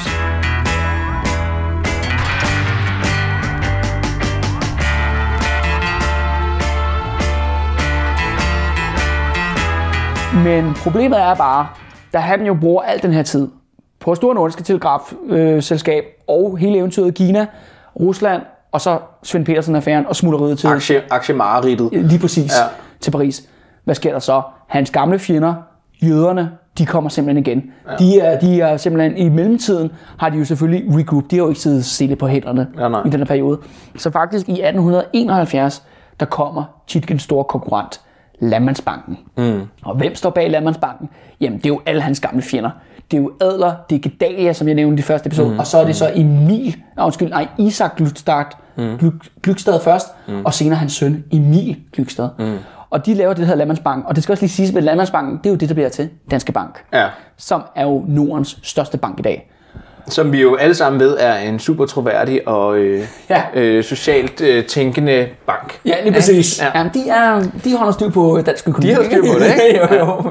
Og så er der også noget med det der med Landmandsbanken, bare lige, bare lige fordi det er sjovt, øh, at øh, du sagde øh, tidligere, at øh, det, det er slet ikke en, en, en bank for landmænd. Nej, Nej.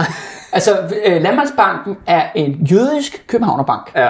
For jødiske finansmænd. Ja, det er en finansbank. Men de ved jo godt ligesom, at de er jo blevet smidt ud af privatbanken på grund af Tietgens antisemitisme og alle andres antisemitisme. Mm, mm. Så de har brug for ligesom at rebrande sig selv. Ja. Det kunne ikke hedde den københavnske Nej, jødebank. Det var nej, ikke så nej. godt. Nej. du, du må også bare tænke på, at det lever jo op til de værste stereotyper, du har om jøder for antisemitisme. Ja, ja. Jøderne, der har en bank. Og det, de kalder sig, vi har brug for noget dansk. Ja. Vi har brug for et dansk klingende navn. Ja. Vi kalder os selv Landmandsbanken. Ja. Landmand, det er det mest danske, jeg overhovedet kan komme på. Ikke? Det er jo Ja, en landmand, ikke? Jo, jo. På det andet tidspunkt i 1800-tallet i hvert Ja, fald. ja. Problemet er bare, at der er ikke nogen landmænd i den bank. Nej.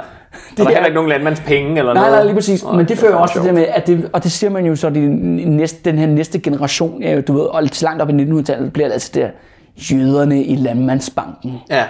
Det bliver sådan noget, man siger, ikke? når det er Jo, sådan, jo. uh, hvem, hvem, uh, hvorfor, hvorfor går det så dårligt? Det er i jøderne i Landmandsbanken. Ja. Og Titgen er først og fremmest den, der promoverer den idé. Ja. Men problemet er bare, at modsætning til Titgen, som jo så snyder og bedrager og øh, prøver at holde sammen på sit, sit crumbling empire der, mm.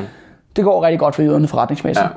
Der, kunne godt, der, der er plads til to banker i dansk øh, finansverden, mm. og, og i løbet af 1870'erne, der bliver Landmandsbanken den største bank. De overhaler simpelthen Ja. privat. Han, har haft, han har haft så travlt med brandslukning og, øh, og, og fusk og snyd og øh, undgå at blive opdaget og så videre, og så videre, at han ikke har haft tid til at lave nye investeringer for eksempel. Ikke? Og alle dem, som ikke kunne få et lån hos Titgen i privatbanken, de kan nu gå til jøderne i Landmandsbanken og få det der lån. Mm. Og det skal der også komme ma- mange andre store virksomheder ud af. Titgen har virkelig skabt sin egen fjender. Ikke? Mm. Det er jo det der ironiske, det der med, det, det er sådan lidt, ikke? du høster, hvad du sår. Ikke? Jo. Det må man sige, han gjorde i det her tilfælde. Ja, Hvis han nu kunne have givet slip på sin antisemitisme, det er jo ikke fedt, dengang han blev røvrendt af adler. Det kan man Nej, godt nej. forstå. Men den der antisemitisme, altså hvis han nu havde lukket dem ind i varmen, mm. og de havde været en del af gruppen, Ja. en del af netværket, Ja. så kunne det godt være, at det aldrig var gået sådan der. ja, det kan man jo godt spekulere i. Ja, fuldstændig. Men han har skabt sin egen fjender, og de, og de kommer over til at vælte ham i sidste ende. Ja. Men de, de kører jo ligesom deres eget game. Men øh, nu synes jeg også, at vi begynder altså lige så småt og nærmest afslutning her, fordi Ja, fordi man kan sige så, han, han, han kæmpede sig op mod magtens tinde, ikke? Jo. Og, og, og det hele skulle have kulmineret med det her øh, store nordiske telegrafselskab, ikke? Ja. Og det gjorde det jo også. det gjorde det jo også. Men, men, men, det på en kulminerede, falsk måde. Ja, det kulminerede måske ikke på den måde, som han havde forestillet sig. Nå, men det, fordi det var en god forretning. Nej. og det er måske, altså nej, det, det, var, øh, det var en dårlig forretning. Øh, Alle de andre var en rigtig god forretning. Ja. Ikke den der. Nej. Øh, men det, det blev skabt, der skal også sige, Store Nordisk Telegraf lavede penge langt senere. Du Ja, ja. Begyndte de at generere penge og sådan noget. Jo, jo. Men, men, men det er klart nok, at det, hele det eventyr, det gav jo hans imperium et stort slag, de aldrig overvandt. Ja. Og det jo, gjorde jo det der med, at, at at Landmandsbanken kunne jo tage den der førerposition som den store bank i Danmark.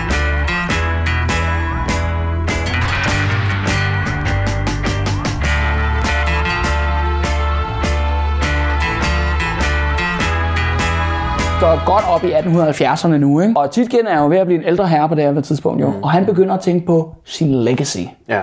Hvad er det, han efterlader? Vi skal måske lige, lad os lige wrap den op, det der med, med, med hele hans, øh, hvad hedder det, hans, øh, hvad hedder det, aktieeventyr der, ikke? Ja. Eller helvede, aktiemarit. At han blev jo aldrig opdaget. Nej, Nej, nej. Altså, det synes jeg bare lige, vi skal have slået fast. Altså, at det var der aldrig nogensinde nogen, der opdagede. Nej. Altså, Det er ligesom, det er ligesom da han reddede Danmark fra krisen i 1867. altså, det var et stort luftkastel, ikke? Fuldstændig. Ja. Han byggede op en masse psykose, en Ja. masse isole, illusion, ikke? Ja. Og der var ingen, der gennemskuede det. Og det var ikke sådan, at han, han gik ikke falit på det her, vel? Nej, altså jo, jo, altså rent matematisk gjorde Ja, han. ja, ja, ja. Jo, jo. Men ikke image-wise. Nej, nej, nej, præcis. Og Der var ikke nogen, der vidste, at han gik falit. Det er det, jeg Nej. mener. Vel? Altså, øh, så han, selvfølgelig kunne han ikke vokse sig endnu større. Han kunne ikke blive større end det der, fordi at, at forretningen ikke gik, som han gik. Men det kommer aldrig nogensinde for dagens lys, vel? At han Nej, har lavet præcis. kursmanipulation. Og det er også klart, at de andre virksomheder gik jo godt. Tuborg blev en kæmpe succes, for Ja, eksempel. ja, ja, ja. DFDS, ikke? og spritfabrikkerne, og sukker og alt det der. Det blev en kæmpe succes. Mm. Så de sprøjtede jo penge ind Ja. Til at redde Privatbanken og Store Nordiske jo. Det blev ligesom stabiliseret. Det udlignede sig selv. Men Ja, det, men over en 20-årig periode. ja, ja, og, og på fuldstændig falske og ulovlige præmisser. Ja, ja, han gik jo op til, han havde jo store møder med sine aktionærer hvert eneste år. Han gik op og løg. ja. ja. Så vandet drev. Ja, ja, Hvert pengene vælter ind. Det går skide godt her. Ja, ja, ja, ja. Det er Titken. Hey, mig Titken. Kan I huske mig? Ja, ja, altså, det, ja, selvfølgelig Ja, kan vi det. Ikke? ja. Det holdt det. Og det er jo, må man sige sig selv, også er noget af en pragt øh, præstation. Ikke? Og det er Jo. også det der med, altså som en rød fjer, men han slap jo afsted med det jo. Ja, ja, det gjorde han. Indtil nu. Nu har vi afsløret ham. Ja! Det er jo måske ikke os, der har gjort det. Men det er også det der med, at hans firma eksisterer jo stadigvæk i dag jo. Ja, ja. Så øh, ja. hvis du vil se hans monument, så kig der omkring, ikke? Jo, jo. Præcis. Gå ned og køb en grøn tuborg. Ja, eller sukker. Ja. Eller rød Aalborg. En god ja. gang hvid raffineret sukker fra Danisco. Ja, lige præcis. De ældre år, så begynder Titken også at tænke på sin legacy. Ja. Vi nævnte faktisk i episode 1, at de aldrig får nogen børn, ham og konen der. Mm. Han var også en privat mand. Vi ved ikke, om, om de ikke kunne få børn, eller de ikke ville have børn. Det, det ved jeg ikke. Mm-hmm. Men de fik i hvert fald ikke nogen, og man, der er blevet sagt efterfølgende, at firmaerne, de var Titkens børn. Det Ja. var det, han gav videre mm. til, til, øh, ja, til dansk erhvervsliv og til dansk økonomi osv. Ja. Men man skal sgu også have lov til at blære sig lidt. Ikke? Jo, jo. Man skal bygge et rigtig stort monument, og det er jo meget inspireret blandt andet af, hvad hedder det, Jacobsen, Carlsberg-fonderen, som, som var ligesom ham, der begyndte det der med at bygge kæmpe monumenter i København til, til Det, Danmark. det var i det hele taget rimelig meget op i tiden i slutningen af 1800-tallet med de her øh, rigmænd, som gik ud og var lidt filantropiske. Ja. Ikke? Der- der- altså, det var så det der gav man meget- lidt tilbage. Ikke? Ja, ja, det er jo den her socialkonservative idé i, ikke som de konservative er konservative i dag, fordi jeg ved sgu ikke, om de er, jeg synes ikke engang, de er særlig konservative. Øh, De er mere, mere måske bare hysteriske. Ja. Men, men du ved, der er den idé om, at det der med, at hvis du er rig Ja. og magtfuld, Ja. så har du også et ansvar. Ja, den faderrolle. Ja, du har et ansvar for samfundet. Du skal ja. tage hånd om andre i samfundet, og du skal give noget tilbage til samfundet. Ja, og det synes jeg egentlig er en super sympatisk, øh, civiliseret... Øh, det viser sgu, at man har noget dannelse, ikke? Man Jo, har noget jo. kultur. Jo, jo, jo. Øhm, og det, det vil Titken gerne være med på, det mm. der. Og han tænker, at det skal være et grandiøst projekt. Ja, ja. Det skal være kæmpestort. Ja. Og nu er det så tilfældigvis øh, inde der, hvor kongefamilien bor, ved Amalienborg. På daværende tidspunkt, der lå der en tom byggeplads fra 1700-tallet. Mm. Der var man en, der skulle have bygget en marmorkirke.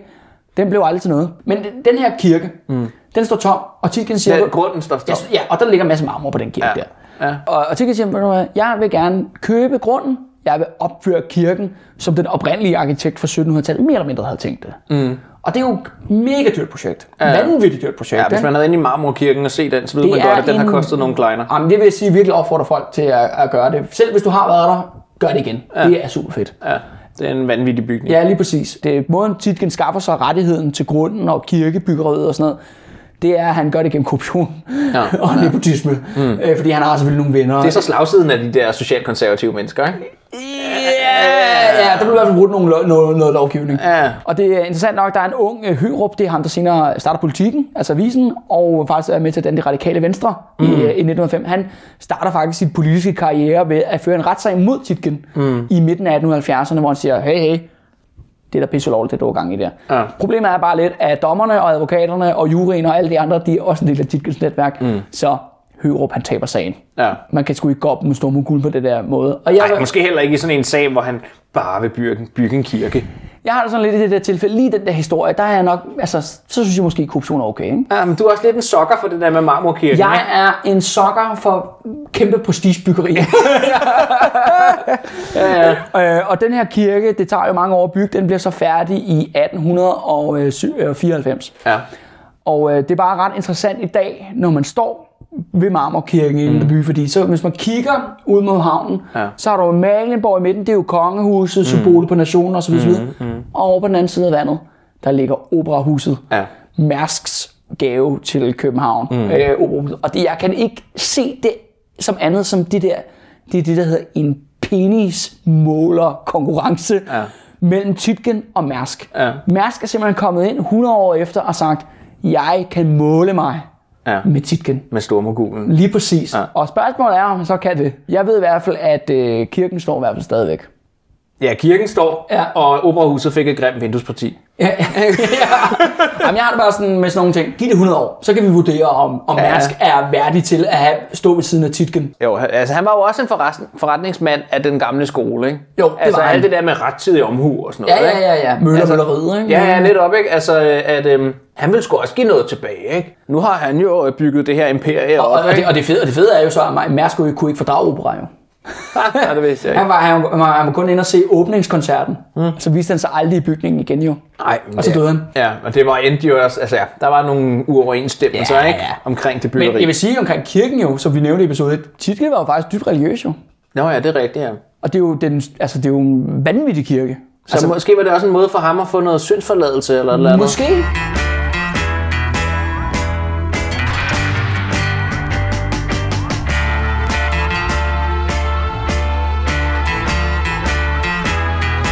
Men nu er vi ved, ved, ved afslutningen, og der er ligesom en sidste historie, mm. som er meget sådan symptomatisk, fordi det er også noget med erhvervslivet, jo, det stopper jo ikke med Titgen, det fortsætter. Mm. Og hvem kommer så efter, og så videre, så videre. Og, og Titgen var jo den oprindelige stormongol, mm. men han er ikke den, han var den første, men han blev ikke den sidste. Nej, nej. Fordi i 1892, der kommer der en ung mand til København, som har bygget sig en lille eksport-import virksomhed i, øh, i Thailand, i Siam. Mm. Han hedder H.N. Andersen. Han kommer også fra en rigtig, rigtig fattig baggrund, ligesom Titgen, men faktisk endnu fattigere. Mm. Han er søn af Skidlis fra Nakskov. Ah, det lyder ikke godt. Nej, Skidlis hed Skidlis, fordi at hun vaskede de riges undertøj Ah. i, øh, i, i Nakskov. Og hun har en søn, der hedder H.N. Andersen, som kommer ud og sejle og sådan nogle ting. Og, og han får bygget sig et firma deroppe i, i, øh, i Thailand. Mm. Og øh, han har en masse idéer med, at øh, du ved, han vil gerne noget, skabe noget, der hedder ØK. Mm. Østasiatisk Kompani. Mm-hmm. Men han har brug for at støtte hjemme fra Danmark. Han har brug for nogle penge. Mm. Så han går op med hatten i hånden på Titens kontor på børsen mm. og siger, du ved, maler rosenrødt skær, du ved, nah, Asien, og du ved, det bliver pissefedt og sådan noget. Og det, og det er så det mærkelige, synes jeg her, er, at ham og Titgen har jo rigtig meget personligt til fælles. Mm. At det der med Titgen, der kommer endnu en ung mand med ambitioner og sulten på at erobre verden og skabe noget, noget stort og sådan noget. Mm. Hvad gør Titgen? Han ydmyger ham. Så siger, ved du hvad, grønskolding, jeg er færdig med Asien. Jeg har, jeg har brændt mig på stor nordiske. Jeg kender godt Kina. Jeg, kender godt, øh, jeg kender godt den del af verden. Ikke? Ja, ja. Han bliver, han bliver sgu simpelthen sparket ud af kontoret. Ja. Så hvad gør den unge H.N. Andersen? Han går over til konkurrenterne, jøderne i Landmandsbanken. Mm. Og de går så sammen og danner så et partnerskab, der bliver til ØK, som bliver Danmarks største virksomhed. Mm. Efter, du ved, overhaler Nordisk Tele- Telegraf, ikke? Ja. Og, øh, og det ironiske er, at sådan fra 1901, omkring 1901 til omkring starten af 1920'erne, der er det jøderne i Landmandsbanken og H.N. Andersen, der egentlig styrer Danmark. Mm. Og de får egentlig meget mere politisk magt, end Titgen nogensinde gjorde. Hans imperium bliver ikke, de bliver jo ikke væltet eller opløst. Det fortsætter med at eksistere, men der kommer et, der er større Ja. og mere magtfuldt. Ja. Og igen, han har selv skabt det. Mm. Det er jøderne, som han, som han kaster ud af sine virksomheder, og det er den unge mand med de store ambitioner, som han valgte at skide på. Ikke? ja. Hvad skal man, ud, hvad skal man ud, altså udlede af det? Altså, Jamen, er det fordi, at øh, han var forfængelig og ville være den eneste store, eller Jamen, det er som om, han ville at- ikke dele magten, eller hvad fanden gik det ud på? Nogen- Synes han, han var bedre end dem måske? Ja, i hvert fald jøderne, ikke? Mm. men det er lidt mere mærkeligt med H.N. Andersen, ikke? Ja, jo. At, øh, at du ved, når han har været så god til at finde dem, der kunne mm. skabe noget og ville noget, mm. og så lige pludselig kommer der en, der rigtig gerne vil noget, Og han er jo også selv blevet fundet, om man så må er sige. det. Ikke? Helt tilbage i sin, alder, i sin tidlige barndom, ikke? blev han jo øh, ikke groomet, for det er noget andet. Ja. Blev han, øh, blev han jo ligesom han blev samlet opdaget. op og opdaget og han de fik her en adelsmænd chance. fra den der, på det han værtshus fik der, en ikke? unik chance, Ja. ja. som, øh, som så mange andre i den der periode aldrig nogensinde Ja, fik. præcis. Han fik lov at komme til England på sine blå øjne og alt det der. ikke? Ja, lige præcis, Ja, ja. ikke? Jamen, det er meget mærkeligt. Og det er også det der med, at det, øh, H.N. Andersen, når man læser noget omkring ham og sådan noget, ikke? han har det samme. Han er jo også en mand, der er god til mennesker. Og det der med, at han så afviser ham, og det er jo, jeg tror, ja, det er jo, ja, det er jo svært at sige, mm. fordi det er jo bag Titkets maske. Mm. Men der skete et eller andet. Mm. Der skete efter noget med det der store nordiske. Ikke? Jo, han blev måske en bitter mand eller, eller. Ja, eller også så blev han, han blev måske bange, eller ikke turde tage den der chance mere. Mm. Fordi han virkelig var ved at skubbe sig selv ud over kanten. Ikke? altså, jo. Du ved, han satte selv sin egen galge op. Ikke? Jo, jo. Sæt lykken rundt om halsen. Så lykkedes dem, så sprang han så ikke, vel? Men du ved, men det var fandme tæt på, ikke? Jo. Der var heller ikke nogen, der hæv i håndtaget, kan man sige. Nej, og det er det. Der kom aldrig nogen at hæve i håndtaget, og det var nok det, der øh, gjorde, at han, øh, han overlevede, og, fir- og virksomheden overlevede. Ja. På en stor grand illusion. Ja. Og så når vi til den absolutte slutning. Ja, Tilken han dør så i 1901, øh, 72 år gammel. Mm. Og øh, vi kan nok konkludere, hvad døde han af? Ja, han døde af for meget arbejde. Mm, mm. Som jo virkelig er noget, der kendetegner store erhvervsfolk, at det er, at de arbejder bare hele tiden. Mm. Hvad kan vi lære af, af Titken? Jamen altså, jeg synes, det, det sidder jo her, ikke? Og vi er jo øh, de røde fjer, ikke? Og Ja. vi beskæftiger os med de røde fjer, ikke? Øh, Og jeg, jeg kan ikke sgu ikke lade være at tænke sådan, jeg kan godt se, at han, han, han agerer som en rød fjer. Ja, Men hvis man I sine metoder i i sine metoder, men hvis du kigger på konsekvenserne af hans handlinger, så er det selvfølgelig ikke så godt, at han laver massakre i Kina. Altså det er måske i virkeligheden det, der, øh, der gør, at han, han, men- han er en rød fjer. Ja, men, men hvad med alle løgnene og manipulationen og Ja, jo. illusionerne og Jamen, det er der korruptionen? men, det, men det gik jo godt alt sammen. Ikke? Ja. Men det er måske lige så meget tilfældighed og held, der gør det. Ikke? At så det ikke kollapsede. målet, målet helliger midlerne? Ja, men jeg ved det ikke helt, altså. Nej, selvfølgelig gør det ikke det.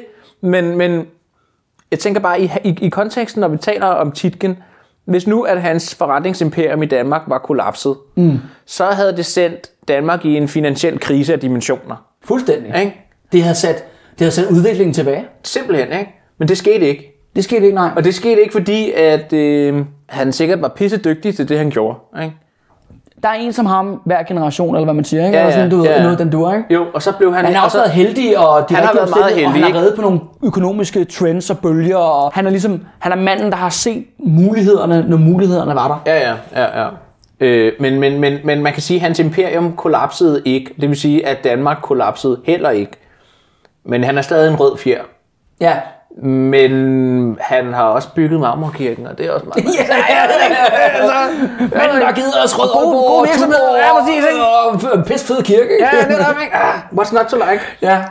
Så, så øh, men det også bare ligesom, øh, jeg tænker også ligesom at opsummere, øh, hvis man er sådan interesseret i, nej, men hvis vi ligesom skal prøve at koge lidt stå på, hvordan, hvis man skulle kopiere Titkins metode mm. som forretningsmand. For det første, og det har vi snakket rigtig meget om, ikke? ny viden og teknologi, first mover, Ja. det er nok, Jo. det er nok nummer et, ikke? Jo, jo, helt sikkert. Det er det, han ser. Unikke muligheder for Lige at præcis. være øh, first mover, ikke? Øh, det andet, øh, nummer to, det er internationalt perspektiv. Mm. Hvis det virker i udlandet, introducer det her. Det der med nye organisationsformer, institutioner, finansieringsmåder. I modsætning til Danmark i 1800-tallet, som er så vanvittigt nationalistisk. Guldalder og indadvendt og grundviger ja, og alt muligt pis, ikke? Navlepillen. Ja, ja, fuldstændig. Ja. Så hæver han blikket. Mm. Han kigger ud. Ja. Han ser, hvad der sker. Mm. Og så tager han det bedste med ja. tilbage. Ja. Det tror jeg også er en, en vigtig lektie. Ikke? Mm. Og han opbygger... Øh, Det bedste er moderne kapitalisme, eller hvordan er Ja, det, ja, det vil jeg sige. Erhvervsliv og kapitalisme bliver sat op på en fucking pedestal. ja. Som om, åh, det er bare løsningen på alle vores problemer, mm. og det er jo rigtig godt. Der er rigtig mange ting, man kan kritisere. Men der er ikke nogen tvivl om, at i Titkens tid og periode, der er jo kapitalisme, den er progressiv. Mm. Vi bliver civiliseret land, ikke? Mm. Jo, jo, jo, jo. Og der er nogle Med mennesker, toilet der... med skyld, ikke? Jo, jo. Ja, ja, toilet med skyld, og, øh, og, og, og man kan sige, øh, havde det ikke været for den udvikling, så havde der også været et skævt, øh, en skæv magtfordeling, ikke? hvor det havde været noget mere med, øh, hvad for noget blod du lige har, ikke? og hvad for Jo, nogle jo, titler jo, du jo, måske jo. lige har. Ikke? Og, altså, så havde det været sådan en gammel lille elite, hvor at man kan sige, at Titgen pengene er blevet bredt mere ud trods alt. Titken kom fra ingenting, og han slog muren ned. Ja. First mover, ikke? Han brækkede det der samfund han op, ikke? skabte vækst. Ikke? Ja, han skabte rigtig meget vækst, ikke? Arbejdspladser. Det andet er jo så det der med, at øh, opbygning af beslægtede virksomheder. Mm. Når du har fat i én ting, mm. så byg rundt omkring den. Mm. Hvorfor øh, hyre et andet firma til at gøre et eller andet service for dig, mm. når du kan lave det selv? Jo, jo. Fordi når du styrer det hele, jamen, så er det mere effektivt. Ja, ja. Big production, ikke? Jo. Jo, det er rigtigt. Og det er absolut nok det vigtigste. Netværket. Ja. Det må man sige. Jo, jo. Det er, og det tror jeg er lige så meget gældende den dag i dag for den. Det er det, der har gjort, at han har kunnet øh, åbne en dør med sine venner, ikke? som har kunnet åbne døren for ham, og så har han kunnet gå videre hen, ikke? og så har han, du ved, kunnet åbne en ny dør, ikke? og altså sådan hele tiden med nye venner, så kan han Ja, åbne nye døre, ikke? Og det er også derfor, men det, er, det griner er jo så også det der med, at det er jo, det, der er hans største svaghed, det er, at det er det, folk han lukker ud af netværket. Ja. Alle Altså, dem, han glemmer. Altså jøderne og H.N. Andersen, ikke? Jo. Altså, de måtte sgu ikke være med. Mm-hmm. Og det er jo lidt sådan, hvorfor, hvorfor dog ikke det? Jeg tror, at det aller, aller sidste, så kunne jeg godt, øh, bare sådan, vi to kan sidde her og have et lille tankeeksperiment. Mm. Hvis de skal lede i dag, mm. hvor hvor vil han så investere? Hvad tror du, han vil se som fremtiden i, i du ved, dansk forretningsliv? Eller hvis vi skulle lave et forretningsimperium ja, nu. Med, med det vi har lært. Med det, vi har lært, ja. ja. Hvad tænker du? Jamen, jeg tror jo, han var jo enormt fascineret af, af teknologi, ikke? Ja. og det der med first mover og sådan noget. Mm. Jeg tror, at Titgen ville måske have gjort Danmark til en spiller, når det kom til robotter Ja. og AI, Nyt udvikling, Ja. øh, sådan noget. Fordi at han er jo med Store Nordiske og, øh, og alle de andre der, så sagde han jo, sendte en besked om, at men bare fordi Danmark er et lille land, så kan vi godt have en international placering. Mm. Det var det, han sagde. Ja. Og det var det, han gjorde. Og det tror jeg også, han sagde. Jeg, jeg har svært ved at se en anden industri, som er så, altså, du ved, hvor der virkelig er sådan, hvor det, der er mange ubekendte endnu, mm. men der er fandme også potentiale. Er du sindssyg? Jeg tænker jo uh, Mars Exploration. Exploitation. Ja. Fordi hvis man kan få... Hvis du kan lægge telegrafer til Kina, så kan du sgu også... Øh, Så kan du også godt lave en linje op til Mars, der er fyldt med råstoffer deroppe, så kan Danmark endelig blive det land med råstoffer, som vi aldrig har været. Men det er også, men det er også klart nok, at hvis man skal, hvis man skal få en af de, fordi det er jo kæmpe projekter, altså robotter eller Mars, ikke? Og Men hvordan, hvordan, især bygger, det med Mars. hvordan bygger man det? Jamen det må man jo så have ved, at alle, der er noget ved musikken, skal være en del af netværket. Ja, præcis. Det er den eneste måde, det kan fungere, ikke? Ja, vi skal, vi skal simpelthen øh, ud med hatten, og så skal vi øh, samle penge ind hos alle vores venner i øh, alle de store danske virksomheder. Og så skal vi kraftigt bygge en, øh, en linje op til Mars. Ikke? altså, bliver vi voldrige. Det er, også, det er jo sjovt, fordi det lyder bare sådan, det er jo meget sådan fantasiagtigt, når du sidder og siger det på den der måde. Ikke? Men jeg tror fandme Det det også, at der tilbage i 1800-tallet, der, hvis titlen går ud og sagt til folk, jeg har tænkt mig at bygge en telegraflinje til Kina, Ja. så vil folk nok have grinet ham øh, Ja, ja, i laser. Ikke? Jo, jo, så, det så, det. Hvordan, hvordan det? Øh, ja. altså, det, kan, det kan vi da ikke. Eller, Ja, ja. Men, Selvom man, man skal tænke på, at den tid var også anderledes. Altså, at der var alle... Altså, det, det var jo den fagre nye verden, ikke? Altså, alt Jo. var muligt, ikke? Jo, jo, altså, jo. Øh, jamen gud, vi kan køre med tog, ikke? Altså, Jamen, det var, jo, det var jo den periode, hvor man havde en virkelig sådan progressiv og tro på fremskridtet. Ja, Hver dag er bedre end dagene i går. ja. Og det kan vi se konsekvenserne af i dag, Kalle. Ikke? Og det er derfor, at vi ikke skal investere i AI eller til Mars. Fordi det er ikke godt for kloden. Det gider jeg slet ikke gå ind i. det gider jeg ikke gå ind i nu. altså, ja, ja. Men øhm, det, det, var, det var den historie om, øh, om, om, øh, om C.F. Titken. Yes. Øh, stormogulen over dem alle. Øh, grundlæggeren af dansk moderne erhvervsliv. Og ja, han var en rød fjer, men han var også så meget andet.